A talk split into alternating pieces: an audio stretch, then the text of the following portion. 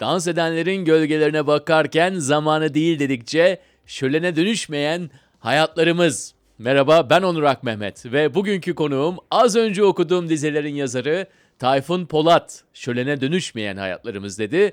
Tayfun'un son şiir kitabı da Anafor geçen ay UPAS tarafından yayınlandı. Yazarın 7. kitabı. Evet Tayfun'un 90'lar sonu ve 2000'leri başından hiç günler arasına anladıklarım güzel olduğun kadar gerçek misin ve başaramamak adlı kitapları var. Liman yayıncılıktan basıldı bunlar. Ayrıca Karga Mecmua'da da 2007-2011 arası basılan müzik yazılarının yer aldığı bir de derleme kitabı var. Tayfun Polat 1970 doğumlu İTÜ Maden Fakültesini bitirdi. 2001'den beri de Kadıköy Karga'da aktif olarak yer alıyor. 2007'den beri de Karga Art'ın yöneticisi ve Karga Mecmua'nın da yayın yönetmeni. 2011'den beri de Karga Spor'da oynuyor. Şimdi Karga'yı bilmeyenler için biraz anlatayım. Kadıköy'ün artık kurumsallaşmış mekanlarından Kadife Sokak'ta bağımsız müzik alanında da önemli bir yer teşkil etmekte. E, bu arada alın size yeni bir müzik referansı, kültürel referans. Bu da Gazoz Ligi. Kargo Spor'un oynadığı Gazoz Ligi. Özellikle müzik dünyasından birçok takımın yer aldığı bir lig bu. Beylerbeyi stadında düzenli olarak maçlarını yapıyorlar. Bir amatör futbol oluşu bu. Kargo Spor'da o takımlardan biri. Hatta Tayfun buraya geldiği gün bizim ofiste çantasında kramponlarını gördük. Akşam Gazoz Ligi'nde jübilesini yapacaktı. Ama yalnızca aktif futbolda bırakmıyor. Fenomen olmuş bir radyo programında sonlandırıyor. Son 8 senedir Açık Radyo'da bir program yapıyor. Adı Yerli. Bu program Türkiye'de özellikle genç müzik gruplarının yer bulduğu bir program ve Yerli Tayfun'u kendinden daha genç kuşaklar tarafından da tanınan bağımsız müzik camiasının yakından bildiği ve güvendiği bir isim yapmış. Yaşadığı Datça'dan Aydemir İstanbul'a geliyor. Hayatının bir dönüm noktasında Taksim'deki stüdyomuza konuk oldu. Haliyle hem şimdiki zamanın hem geçmişin hem de geleceğin değerlendirmesinin yapıldığı dolu dolu bir program yaptık.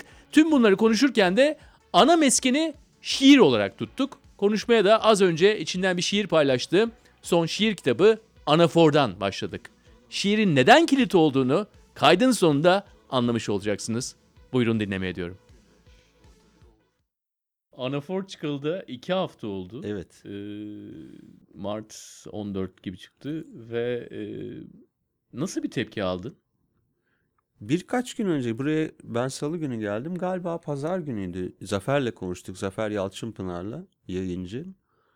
Ee, enteresan dedi abi. E, ya beklediğimiz gibi gidiyor dedi. İşte henüz daha 100 kişi yüzü geçti dedi download sayısı. Ama bu zaten hep böyle benim bir önceki kitapta o seyirde başlamıştı ilk haftadan sonra ve 350-400 aralığında da duruyor. Yani UPAS'tan çıkan aşağı yukarı bütün kitaplarda öyleymiş. O yüzden dedi başlangıcı iyi ama bir iki tane olumsuz tepki gelmiş. Ee, çok üstten bir dilim olduğunu söylemiş birisi. Zafer de çok sert dilli bir arkadaştır. Onu bir bir cevap yazmış falan. Benim çevremde daha olumlu, epey olumlu tepkiler geldi. Ee, ilk defa biraz daha farklı bir şey. Anafor olmasının sebebi de o. Böyle biriken kitap, şiirler olurdu. Sonra onlardan bir seçki yaparak dosya yapılır genelde. O da biraz şey, bir dönemin en iyileri gibi bir şey olur. Benim önceki kitaplarım en azından öyleydi. Ee, bir önceki kitap bir zamanlar bir de biraz daha bir konsept üzerine çalışmaya çalıştım. Zaman an an üzerine. Burada anaforda ise e, çok uzun süredir zaten kafa yorduğum ve değişen bir dünya, bütün dinamikler içerisinde gerçekten bir girdap ortamında var olmaya ve anlamaya çalışıyoruz. Ee, anlamaya çalışıyoruz. Yine evet an tabii var hep benim şiirde, şiirimde. Yalnızca şiirinde değil yani paylaşımlarında da an var. Evet var. Seviyorum anı, anı benim için şiir de mesela billur anlar yakalamak. Yani o billurluğu çok sade bir şekilde aktarmak. Yani şiirden benim anladığım da bu. Bu şiir midir? Çoğuna göre değildir. Çünkü zaten bazen o sadelikle o, o billurluğu vermek için çok az kelime kullanıyorum. Çok az şey oluyor ama bir imgelem oluşturmaya çalışıyorum işte.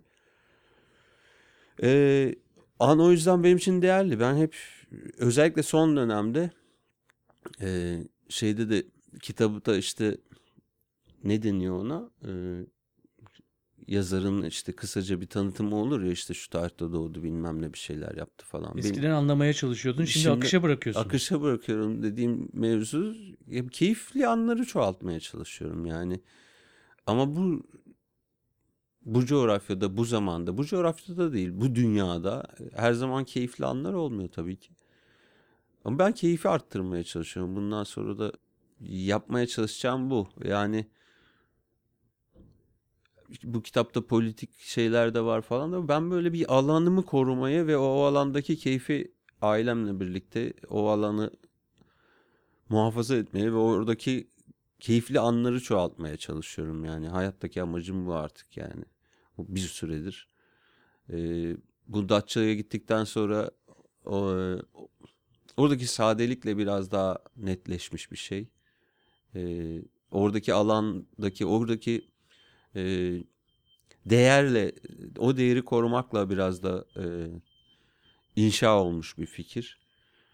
Ee, ama anafor deyince de işte evet bir, bir tuhaf bir gün- günlerden geçiyoruz. Yani e, 11 buçuk yıl Karga Mecmua'nın yayın yönetmenliğini yaptım. Bizim orada çok işlediğimiz konulardan biri de buydu. Değişen dinamikler, e, işte Alvin Toffler diye bir adam var. Onun üçüncü dalga diye bir e, yaklaşımı var. Ama işte yeniden yeni bir dil, yeni bir politika inşa etmek. Çünkü yeni bir dönemdeyiz. E,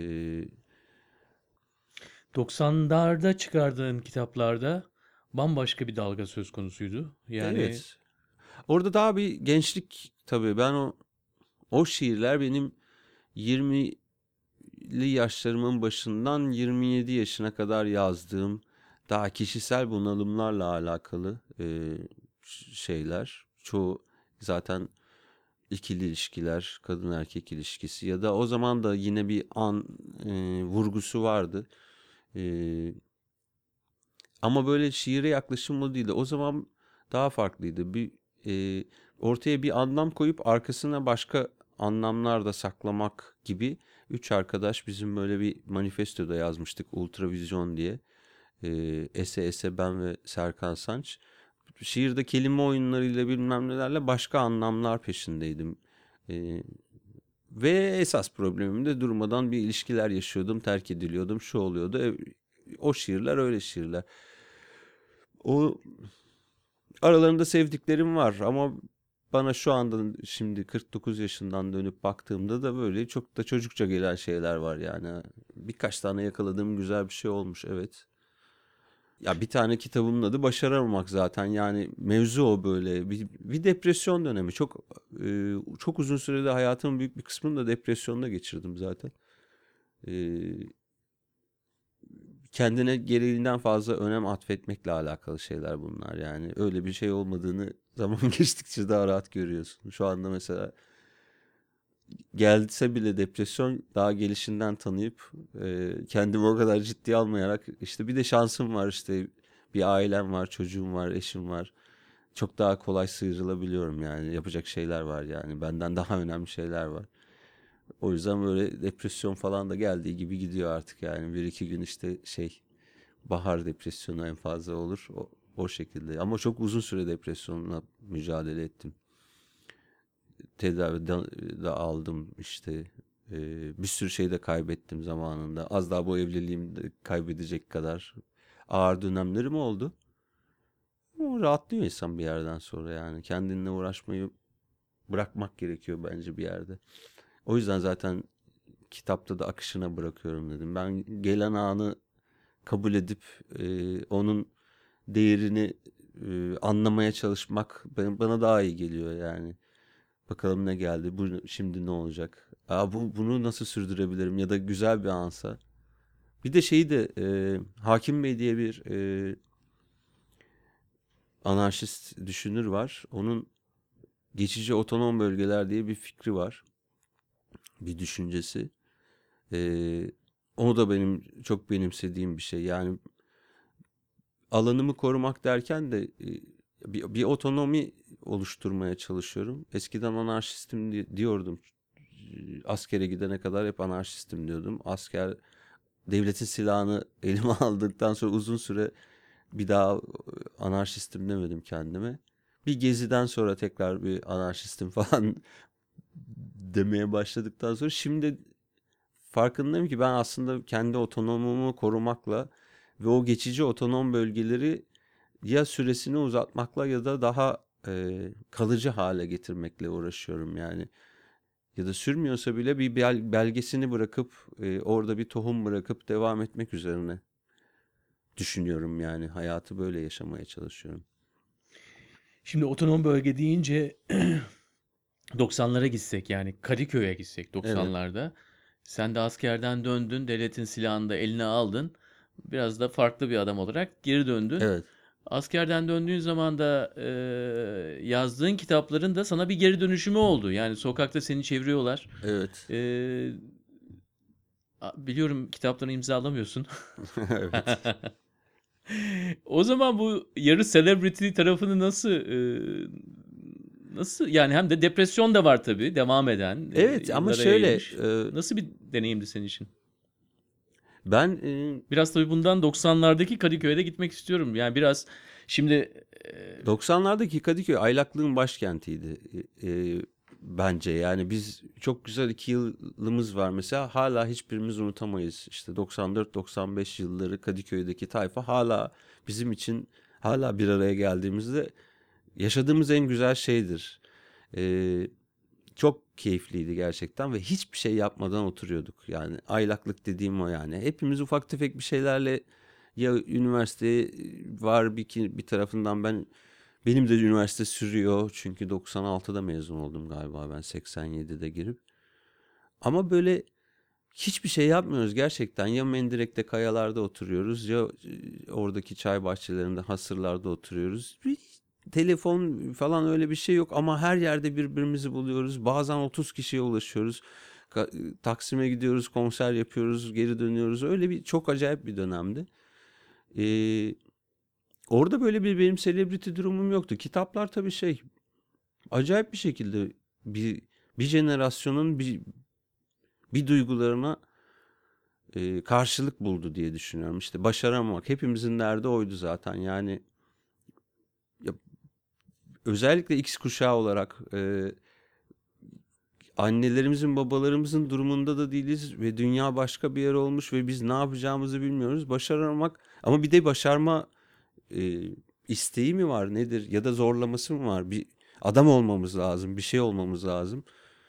Başaramamak öyle bir psikoloji mesela yani ki benim intiharın eşiğinde falan yazdığım bir kitaptır o yani ve başaramamak demek ki o o X kuşağında ya da bir karşılık buldu. Sonra e, askerden döndükten sonra yazdığım işte bir ilişkim vardı o onun bitişi üzerine ya da bir sürü terk ediliş üzerine yazdığım kadınlar üzerine yazdığım güzel olduğun kadar gerçek misin bambaşka bir karşılık buldu. Şimdi dönüyor dönüp baktığımda gerçekten en sevmediğim kitabım.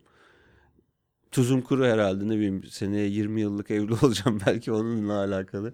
Ee, çok şey geliyor bana çocukça geliyor ama bir sürü insana bir şey ifade ediyor. Ha celebrity mevzusu evet bir karşılık buldu ve kitaplar e, o zamanlar Liman ikişer bin basıyordu kitapları ve e, dördüncü ayında sanırım ilk üç kitaptan yani başaramak hemen şey yaptı. İkinci baskısına gitti. Güzel olduğun kadar gerçek misin de öyle. Bunlar büyük, büyük rakamlar. Şu anda böyle bir şiir okuyucusu falan yok yani. Toplamda 10 bin tane falan kitabım satıldı benim herhalde. E tabii ki demek ki bir bir karşılık bulmuş. Evet yani İstiklal Caddesi'nde yürürken aa Tayfun Polat diye falan karşıma gelmeler ya da kitap fuarına gittiğimde imza istemeler falan filan ama zaten imza mevzusu kitap fuarında başladı. Ben limanın standına uğramıştım. O zamanlar İnanç diye bir sevdiğimiz bir arkadaşımız gelen herkese e, imzalı kitap almak ister misiniz diye böyle ben oradayken imza günü falan yok yani bile. Öyle bir bana kitap satmaya başladı ve ben bayağı kendimi kullanılıyor hissettim yani sırf bir yazardan imza alacak diye hiç belki de hiç okumamış tanımıyor etmiyor benim kitabımı alıyor insanlar. Burada bir sorun var dedim yani Yani okuyucuyla yazarın arasına böyle bir ticaret girmemeli. E, Bir, bir gün işte başıma geldi bu ve dedim ben bir daha kitap imzalamıyorum. Hediye ettiğim kitaplar hariç. Ondan sonra da bir daha kitap imzalamadım. Hiçbir imza gününe katılmam. Yapmam öyle bir şey yani. Yapanlara hiçbir şey söylemiyorum. Beni ilgilendirmiyor da. Ha şeyi söyleyeceğim. Tabii o celebrity durumunda nasıl karşıladım derken ilk başlarda şöyle oluyor. Ben, demin de söyledim ya depresyon kendime çok değer biçmemle alakalı bir şey. Tabii ki o değeri de böyle e, kendini bir şey zannediyorsun. Ukalalık var falan filan ve insanlar da seni beğenince bir süre hoşuna gidiyor ama mevzu o değil yani. E, ondan çok kısa sürede sıkılıp hemen uzaklaşabildim yani. O kendine değer atfetme kısmından hemen uzaklaşamadım ama o celebrity durumu beni hemen sıktı yani. Az ünlü kişi olmak. Hala da karımla takılıyoruz birbirimize. Ben az ünlü bir insanım. Evet şimdi müzik camiasında az ünlü bir insanım. Tayfun abi oldum başkalarının gözünde. Ama bunların hiçbir faydası yok bana yani. Şey zaten o geçmek istediğim yerler bunlar yani. Bundan sonraki müzikle ilgili yapacağım işlerde de e, işin içine ticaret girsin istemiyorum yani. Kitap yazacağım, müzik kitabı yazıyorum zaten şu anda. Tezgahta üç tane müzik kitabı var. Birisi bitecek ilk önce, sonra öteki başlayacak falan filan planlar. Ama onları da para için değil. Tabii ki onlar satılacaklar ve bir şeyi olacak.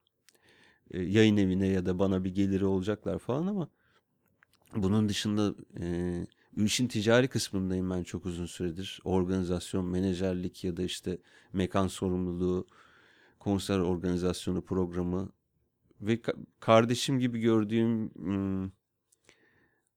ya da çok yakın arkadaşım olan insanlarla bir mekanın ya da bir festivalin e, görevlisi olarak 5 lira daha az yapar mısın? 10 lira da şuradan şey yapayım. Bunları bu muhabbetleri artık hiç yapmak istemiyorum yani. Ve ben bildik bir şey öğrendikçe ve bir şeyi keşfettikçe bunu etrafımdaki her şeyi anlatan bir insanım. Yazarım, seminer veririm. Hiç olmazsa kafasının etini yerim. Bak böyle bir grup buldum şudur budur diye. Ve çalıyorum zaten. Çalarken de anlatıyorum insanlara böyle. Ve bunlardan da para almak istemiyorum. Bu benim keyfim için yaptığım bir şey yani. Ee, iş içine ticaret girince başka şeyler oluyor. Kendimi sektörün bu kısmından artık tamamen e, çıkartmak istiyorum. Ticari kısmından yani. Peki eskiden yazdığın düz yazılardan da utanıyor musun? Yani utanmak demeyelim de o dönem için bir şey ifade ediyor. O dönemki beni gösteriyor. Çünkü eskiden yazdığım çoğu şeyde o var işte. O hala e, kendini bir şey sanmanın parmak sallayan tonu var. O yüzden çoğunu beğenmiyorum. O öyledir deyip ahkam kesmeler falan filan. Öyle değil aslında yani. Bence artık öyle değil. O yüzden çoğunu sevmiyorum yazdıklarımın. Eski yazdığım şiirlerde de var, düz yazılarda da var. Ha yani o parmak sallamanın e, biraz tabii bu sosyal medya çağında da çok görünür bir şekilde hayatımızda var bu Hı parmak hı. sallama ki birçok insanı da topluyor bu. Evet. E, ama bir e, son kullanma tarihi olduğunu düşünüyorsun bu s- söyle kalıcı söylem olmayacağını, tarzının. Evet. kalıcı olmayacağını düşünüyorum. Yani artık yazdığım herhangi bir dizinin 30 yıl sonra bakıldığında da bir anlam ifade etmesi gerek diye düşünüyorum. Şu güne ait tamam şu anda yazdığım CHP şiirinin 30 yıl sonra hiçbir hükmü olmayabilir ama orada anlattığım durumun olur. Öyle insanlar her zaman olacak çünkü. Bunu anlatmaya yani buna gayret ediyorum. Dilimi öyle ehlileştirmeye çalışıyorum. Öyle insanlar hep olacak zaten deyince evet bir iç gülme aldı beni dışa da yansıyan. Şey ne tür insanlar onlar? Yani çünkü zaman zaman kendi insanlarımızı arıyoruz ve bazen de e, senden olduğun olması senden olması gereken insanın da senden ne kadar uzakta olduğunu da farkına varıyorsun. E, Ya şöyle bir şey, e, bir tane yazı yazmıştım. E, Karga Mecmua'da aylaklık diye bir sayı yapıyorduk biz. Orada da Kadıköy, demin bahsettiğim aylaklığın başkenti temelinde bir yazı yazmıştım. O yazının sonunda şey diyorum, biz işte hiçbirimiz şu olamadık, bu olamadık, bu bilmem ne falan filan ama e, hala hepsiyle görüşüm ve hiçbirimizin e, baş, adının başında TC yazmıyor demiştim. E, bu nasıl bir tedrisattan geçtiğimizi bir süre sonra fark ediyorsun. Benim bir sürü lise arkadaşım şudur budur falan böyle bakıyorum da nasıl bir e, rejimin bizi nasıl ne, nasıl bir hale soktuğunu görebiliyorum. Şimdi bu tarafta bir de kutup yaratmak gerekiyor ya. Şimdi de yeni bir rejim inşası var. Okey. Ve halktan da destek bulmuş bir e, yönetim var. Ve böyle hep bir küçümseme karşı ve hep işte çok e, kullanmak bile istemediğim çomar gibi, kezban gibi laflar falan ediyor. Çok üstenci. Bu gerçekten Kemalist rejimin bize böyle e, kendimizi bir şey sanmamızla alakalı bir, bir durum. E, mesela ben AKP ile bilmem neyle ya da MHP ile de ilgili şiir yazabilirim. Yani niye yazamayayım? Ama bana CHP'yi eleştirmek daha doğru geliyor. Çünkü benim içinden geldiğim yapı o. Hiçbir zaman kendimi CHP'li görmedim ayrı konu ama çevrem ve e, yapı o gerçekten. Beni yetiştiren yapı da o. Ha bunun çok da faydasını da gördüm. Yani aldığımız eğitim, biz çocukken televizyonda gösterilen şeyler falan onlar da bu rejimin bir parçası. Ayrı konu ama e, Ki onlar da bu şiirin parçası. Evet. Yani bu, bu, bu kelimeler çıkıyorsa senden e, o zamanki ne bileyim TRT'de hangi çizgi filmi getirdilerse o bile bu, bu dizelerin bir parçası. yani. Evet. Yani beni oluşturan şeyler. Bunu eleştirmek bana daha doğru geliyor. Bir tane de DSP Demokratik Sol Parti diye bir Soul şi- Parti. Soul Parti diye bir şey var, şiir var. Ee, çünkü diğer tarafı zaten herkes bir kutuplaşma içerisinde bağırıp çağırıp duruyor birbirine yani. Yani biz başka bir şeyiz. Ben çok arada hissediyorum kendimi. Ee, özellikle grunge kuşağı, e, X kuşağı denilen şey tam olarak benim doğumluğumu temsil ediyor. Yani bir 68 kuşağı var, 78 kuşağı var, 88 kuşağıyız biz tam olarak. Ee, bunu 88 kuşağı yurt dışında X kuşağına karşılık gelirken bizde o biraz daha ötelendi. Ee, 5-10 sene arasında bir sonradan gelen kuşağı X kuşağı denmeye başladı ama tam olarak X, X kuşağı biziz. Yani e, hoşnutsuz, gelecek kaygılı, ne yapacağını bilmez, e, bir sürü anksiyeteye sahip, e, öfkeli ama e, neye öfkeli olduğunu bilmiyor. Bir ara kuşağız yani. Annelerimiz, babalarımız ya da ablalarımız, abilerimiz e, hapisler yatmış, şunlar olmuş, bunlar olmuş, e, boşanmış çoğumuzun ailesi e, ya da hapise düşmüş de bir şey olmuş falan. Böyle bir kuşağız yani. Ve biz bunların reddiyesi as- aslında yani. E, bütün e, arkadaşlarımı söylemiyorum. Benim de etrafım TC ile çevrilmiş durumda ama en azından biz o Ka- Kadıköy'deki aylak tayfa bunun reddiyesiyiz yani. Bir başlı başına o aylaklık bile bir tepki. E, böyle bir yaş- yaşamayacağız tepkisi. Ve hiçbirimiz de öyle yaşamadık. Hala da yaşamıyoruz. Ee, bu sistemin içerisinde tamam SGK numarasıyla, kredi kartıyla sistemin içerisinde ama hepsi bir taraftan da ailesini de kurarken, işini de seçerken, çocuğunu da büyütürken başka bir şeyleri e, yanında getirmiş bir e, kuşağız bir taraftan da yani. Bana bir hani kuşaksal olarak bir e, bir şey tarif ediyorsun. Yani bu ara kuşağında esas da e, yerinin ne olduğunu da söylüyorsun. Ya aslında burada siz de çok farklı bir şey yapmıyorsunuz ki bir belge bırakmak istiyorsunuz bu dönemle ilgili Ee, seçtiğiniz insanlarla farklı profillerle bir belge bırakmaya çalışıyorsunuz. E ben de yazdıklarımla e, ya da radyo programlarıyla falan filan yapmaya çalıştım bu bir zamanımı belgesini tutmaya çalışıyorum. Ha ne işe yarayacak? Gerçekten bilmiyorum.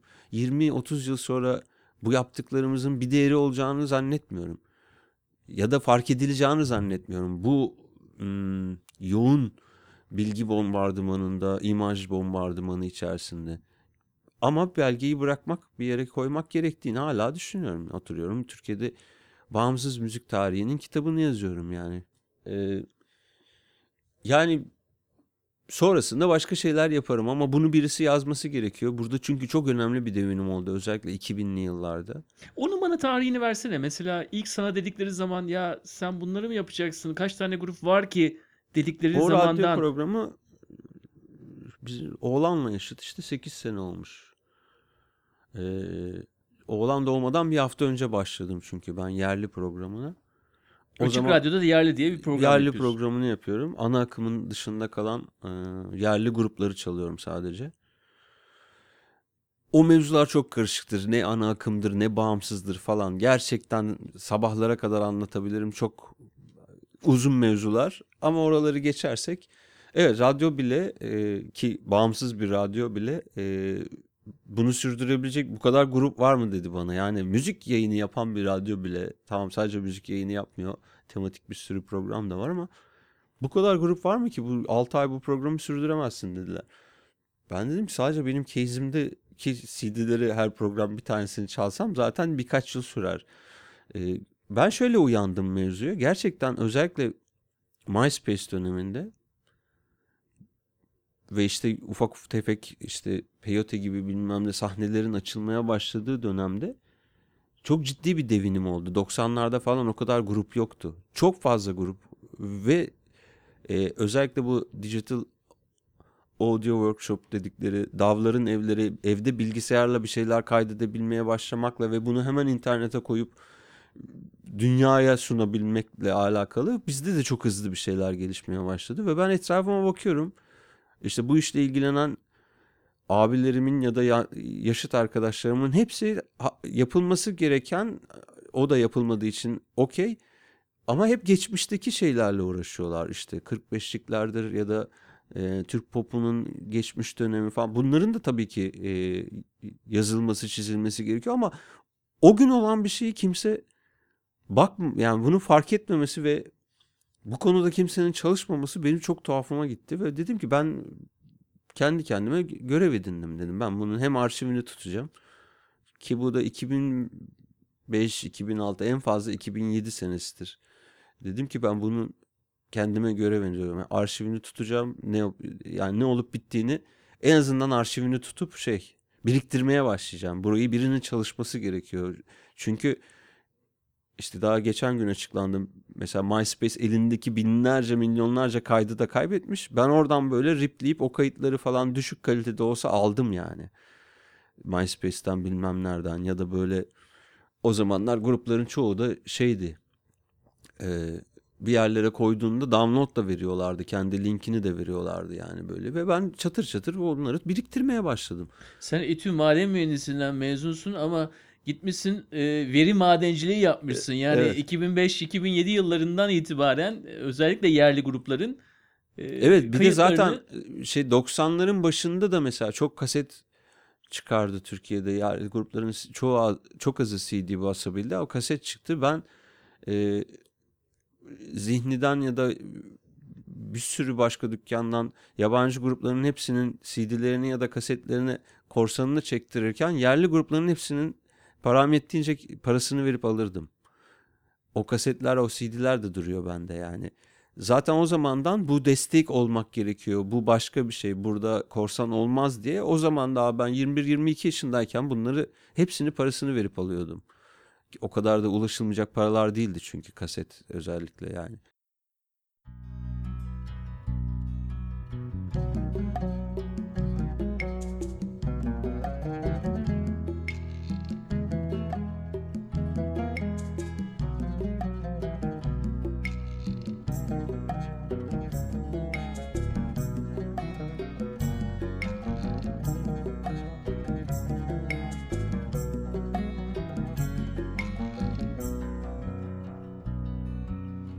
Elini cebine çıkar Üç güvercin iki sar Beş metre çiften kefen bezi iki de tavşan var At elini cebine çıkar iki para pul kadar Havucu marpucu kalem Peki sana şeyi sorayım. E, Anafor'da şu Android diye bir şiir vardı. Hı hı. Tanrı bilinci hakkında. E, o konularda ne kadar konuşmakta rahatsın? Bir arkadaşım bir seferinde şey demişti. Ee, Allah'a inanmıyorum ama bir grubu var demişti böyle çok güzel bir müzik çalıyordu. Evet abi ben ben de hiçbir zaman Allah'a inanmıyorum demem de bir şeye bir bir enerjiye bir şeye belki buna şey de diyebiliriz. Ee, aklımın yetmediği bir sisteme. Bu işin bir mantığı var yani. Ee, ben böyle olduğunu düşünüyorum ama hiçbir dine inanmıyorum. Ee, Peki hayatına soktuğun ritüeller oluyor mu? Bir şair olarak, bir organizatör olarak, bir e, artık müzik duayeni olarak kabul edersen bu deyimi. hmm, ritüelden biraz açar mısın? Nasıl mesela böyle? Yani şimdi e, dinler hayatına sokmasan dahi belli e, ritüeller dediğim zaman her gün yaptığın işler olabilir. Ocağı yakmak bile olabilir mesela. Yani Biraz mesela sobayı ateş, yakmaktan ateş yani benim için gerçekten bir arınma, ateşi seyretmek, ateşle uğraşmak ve işte evde soba yakıyoruz ve her gün karım çok kısa da ben böyle sobayı illa açar bir kurcalarım. Aa duman duman yaptın yine der ama ben oynamadan duramam yani ya da bahçede ateş yakmak yani. Ee, ve ateş yakarken de mesela işte George Strummer da hep ateş yakarmış bahçesinde. Ona da bir kadeh kaldırıp ya da ateşin etrafında sohbet etmek. Ateş mesela bir ritüelim benim. Çok severim. Ee, Yani zonlayıp bakarsın da. Tabii tabii. Ateş varsa ben hiçbir şeyi görmem de sadece ateşe bakarım. Eşimle ilk buluşmamızda kargada çok komikti. Ee, şömine Alt kattaki şömine. orta katta. Ha, orta kat. Ben bilmediğim için pastane dediğimiz o kısmında bekliyormuşum. O da e, müdavim olduğu için aşağıda bekliyormuş. Neyse buluştuk bir şekilde de. Öyle bir yerde oturuyoruz ki Yeşim bir aşkım yani. yani aşığım kadına. O zaman da mı aşıksın? Tabii ben onu tabii tabii. Ben biz çok eskiden tanışıyoruz. Ee, ilk görüşte aşık olduğum tek kadınla yıllar sonra tekrar karşılaşıp bu sefer oldurtabildik ve sonra da evlilikle sonuçlandı ve vesaire. Burada Yeşim oturuyor, şurada şömine var ve ben yani ilk buluşmamız, ciddi buluşmamız diyebileceğimiz bir şey de ben sadece şömineye bakıyorum çünkü orada ateş yanıyor. Ben ateş varsa başka bir şeyle pek ilgilenemiyorum. Ee, bu bir ritüel sayılırsa evet böyle şeylerim var. Bazen çok fazla olmuyor e, ama böyle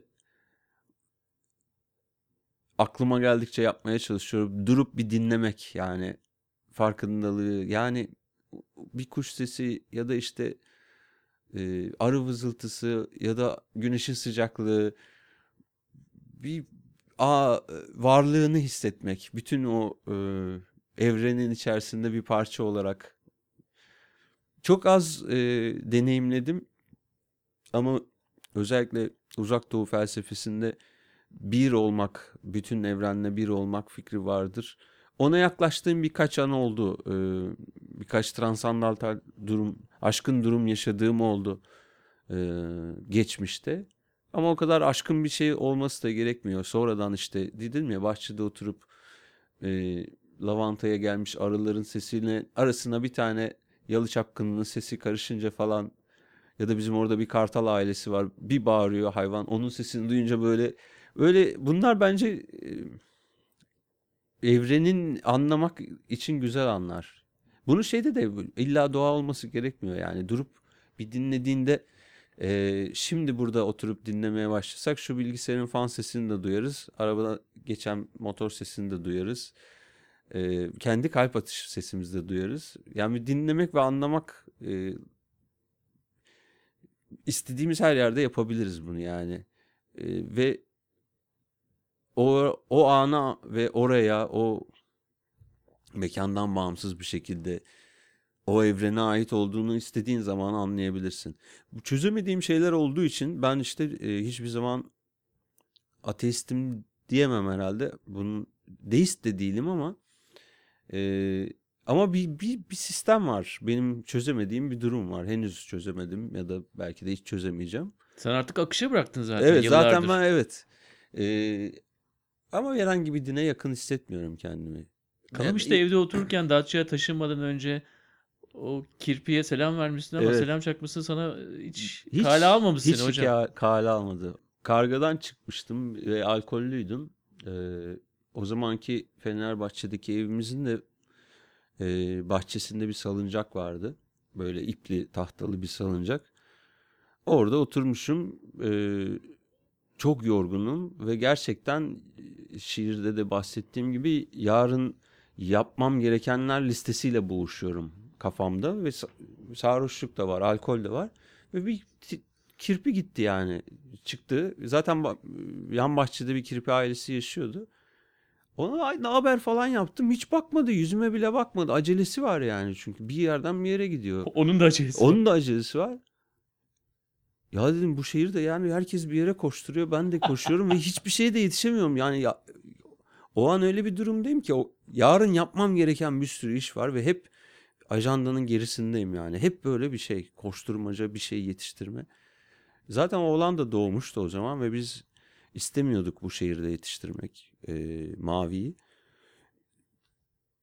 Ama şeyi bilmiyorduk yani şey demiştik sadece ucu açıktı. İlkokula burada başlamayacak. İlkokula kadar gideriz falan.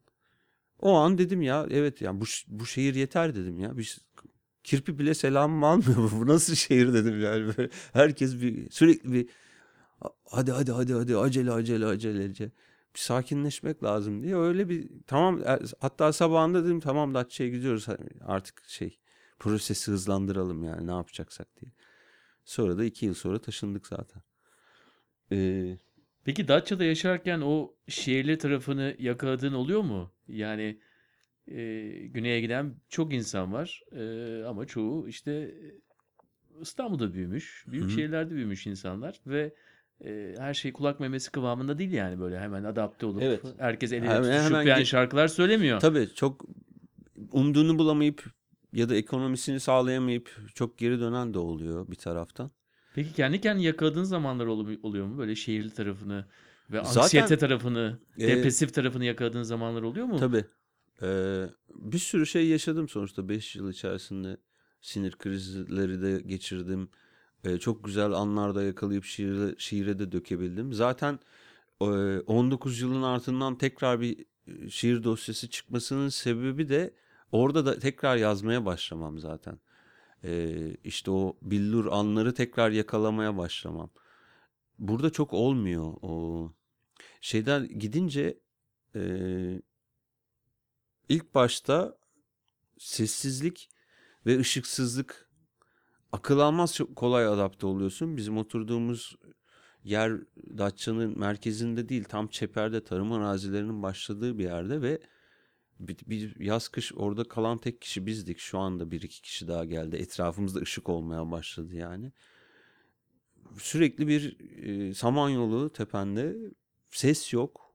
Zifiri karanlık ve ses yok böyle bir buradaki imaj, ses, e, görüntü, ışık bombardımanına maruz kalan birisiyle oradaki orada böyle bir e, nasıl söyleyeyim açıklık yani her şeyi düşünebileceğim bir açıklık. Bir süre sonra şeyler gitmeye başlayıp o buradaki günlük kaygılar gitmeye başlayıp başka ampuller yanmaya başlıyor. Yani bu işle de ilgili olabilir, kendi hayatınla da ilgili, e, eşinle çözemediğin bir problemle ilgili, çocuğuna nasıl davranacağınla ilgili ya da şiir ya da başka bir şey. E, bu kadar çok e, etkiye maruz kalmamayınca çıkıyor zaten bir şeyler. E, başka şeyler de çıkıyor işte. Öfkesi de çıkıyor, bilmem nesi de çıkıyor. Ama bunu çok kolay adapte oldum diye düşünüyorum. İlk e, başlarda bir gece e, Murat e, Seçkin benim çok eski arkadaşımdır. Ta o Kadıköy günlerinden. Şimdi Karga'da birlikte çalışıyoruz. Onların evde kalacaktım Hasanpaşa'da. Herkes yattı falan uyuyamıyorum çünkü ben ta sokakta 30 metre belki 20 metre ilerideki sokak lambasının sesini duyuyorum. Bakkaldaki şeyin sesini duyuyorum. Ee, buzdolabının sesini duyuyorum. Yine sokaktan. Evde amfiler açık. Amfileri kapatıyorum. Ve bütün gece uyuyamadım mesela. İlk gecem öyledir. Uyuyamadım sesten. Burada ne kadar çok sese maruz kaldığını bile farkında değil. Koku. Yani burada insanlar koku almadığının farkında değil. İstanbul'un bir kokusu var. Her indiğimde otobüsten de insem, uçaktan da insem ilk temasımda o kokuyu alıyorum ben. Bunların mesela burada hiç iki tane duyu organını en azından kullanamadığını farkında değil insanlar. Koku almıyorsunuz ve duymuyorsunuz yani. Öyle bir şeyde e, açıklık alanda diyeyim daha bu keşmekeşten çıktığın zaman bunlar geliyor yani ben kokular alıyorum işte sesler duyuyorum işte yalı çapkınını duyuyorum nasıl söyleyeyim sana işte arılar var Oturup karıncalara bakıyorum. Böyle bir şey. Çünkü geliyor şiir geliyor artık yani. Hayatını basitleştirdin tabii Datça'ya gittiğinden beri. Ee, biraz önce basitleştirmeyi de biz e, bazı duyu organlarına daha fazla sahip olmanla açıkladık. Yani artık duyabilmen ve koklayabilmen Evet. hayatı basitleştirmene de neden oldu. Ama aynı zamanda o kadar çok şapkan daha var ki e, bunları da taşımaya da devam ediyorsun. Yani e, Evet safra atmam tamamen lazım. vazgeçmedin yani. Safra atmam lazım biraz. Ne safra, yapman? safra atmam lazım. Nedir biraz- o deyim? Yani yüklerimi azaltmam lazım. Radyo programından kurtuluyorum. Kurtuluyorum yani. Öyle söyleyeyim. Pazartesi günü açıklanacak, açıklayacağım bunu. Son 5 program. Yerli bir kere artık bu kadar yerli müzik dinlemiyorum. Ben Brezilya müziği falan dinliyorum. Yani başka bir şeyler yapmak istiyorum müzikle de alakalı ve e, bir rutine girmesi 8 sene boyunca her pazartesi o radyo programını hazırlamak ve bir iş yani. E, Az bir iş de değil. En az en az bir buçuk güne mal olan bir iş yani. O 55 dakikalık program. Buraya geldiğimde canlı yapınca daha kolay. Ha- Hatasıyla sevabıyla ama yok şarkıyı seçeceğim bilmem ne yapacağım falan.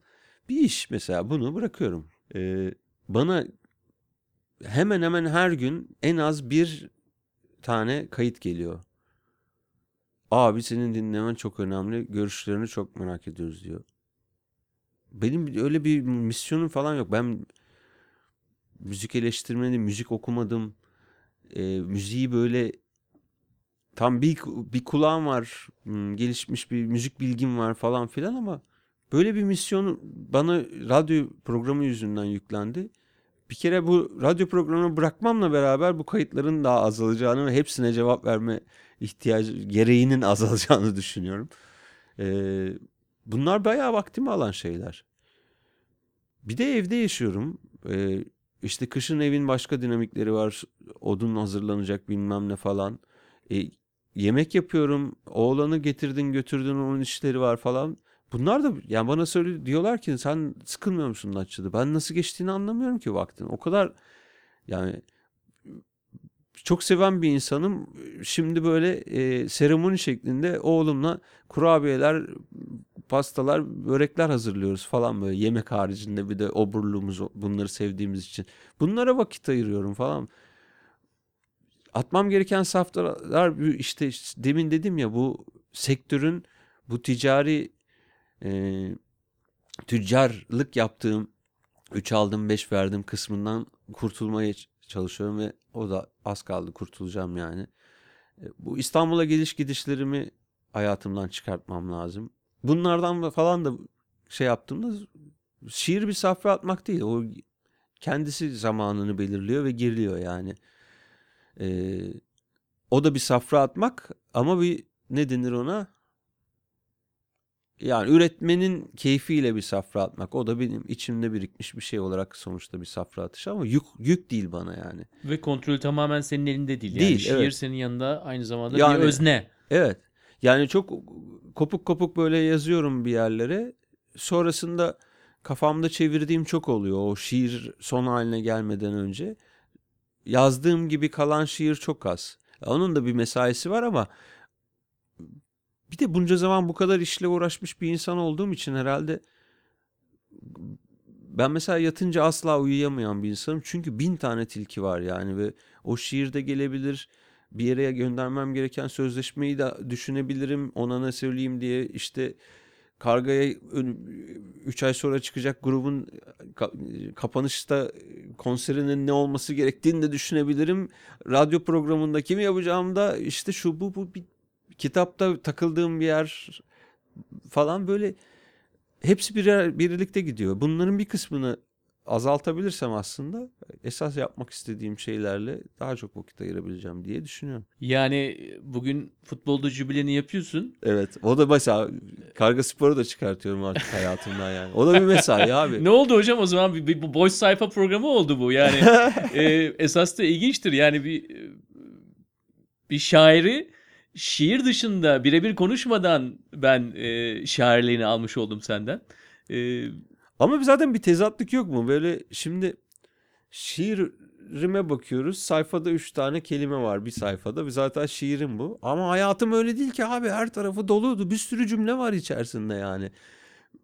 Bir saçmalık var zaten. Bu sürdürülebilir dediğim bu sürdüremem ben bunu yani. Bir sadeleşmesi lazım zaten. Şiirde aradığım şeyi belki hayatımda aramam lazım. Yani o sadeliği ve o yalın, az, minimal. Buna ihtiyacım var diye düşünüyorum yani. E bunu hayatıma da sanırım artık yani şu, bu, şu anda seslendir, dillendiriyorum bunu. Hayatıma da böyle bir şeyi geçirmek istiyorum. Sadeliği. Çok fazla uğraşım var yani. Bu, böyle gitmez. Hocam o zaman bu akşam e, Gazoz Ligi'nde e, omuzları alındığın zaman bir fotoğrafını gönder. tamam. Siteye koyalım. Yalnızca bir futbolcu bilesi olmasın. Hayatında değer verdiğin ama aynı zamanda da nokta veya virgül koymak istediğin e, anların da e, bir göstergesi olsun. Tamam. Tamam. Çekerler bir fotoğrafı herhalde diye düşünüyorum. E artık o kadar yıllık emek vermişsin Tabii hocam. canım. Büyük kaptan demek kolay. Tayfun çok teşekkür ederim Rica burada ederim. olduğu için.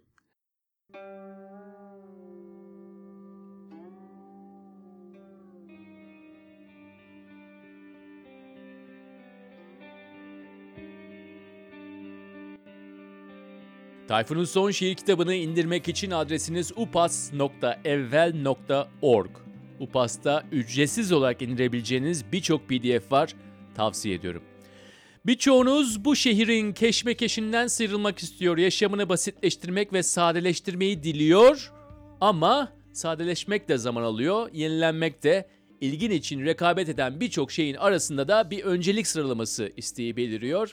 Hangi uğraş ne getirecek, ne getirecek derken şundan kazandım, buradan kaybettim vesaire. E işte bu bile kendi başına iş. Ama ne şanslı ki Tayfun Polat şiir gibi bir pusulası var. Kendisine tekrar teşekkürler.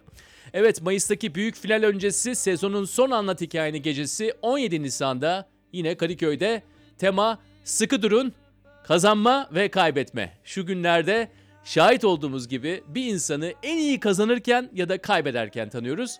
Bakalım bu 17 Nisan'da kimleri hangi hikayeleriyle tanıyacağız? Şimdiden yerinizi ayırtın. Ben Onur Ak Mehmet. Haftaya yeni bir konukla 11-18 podcast'teyim. Görüşmek üzere diyorum.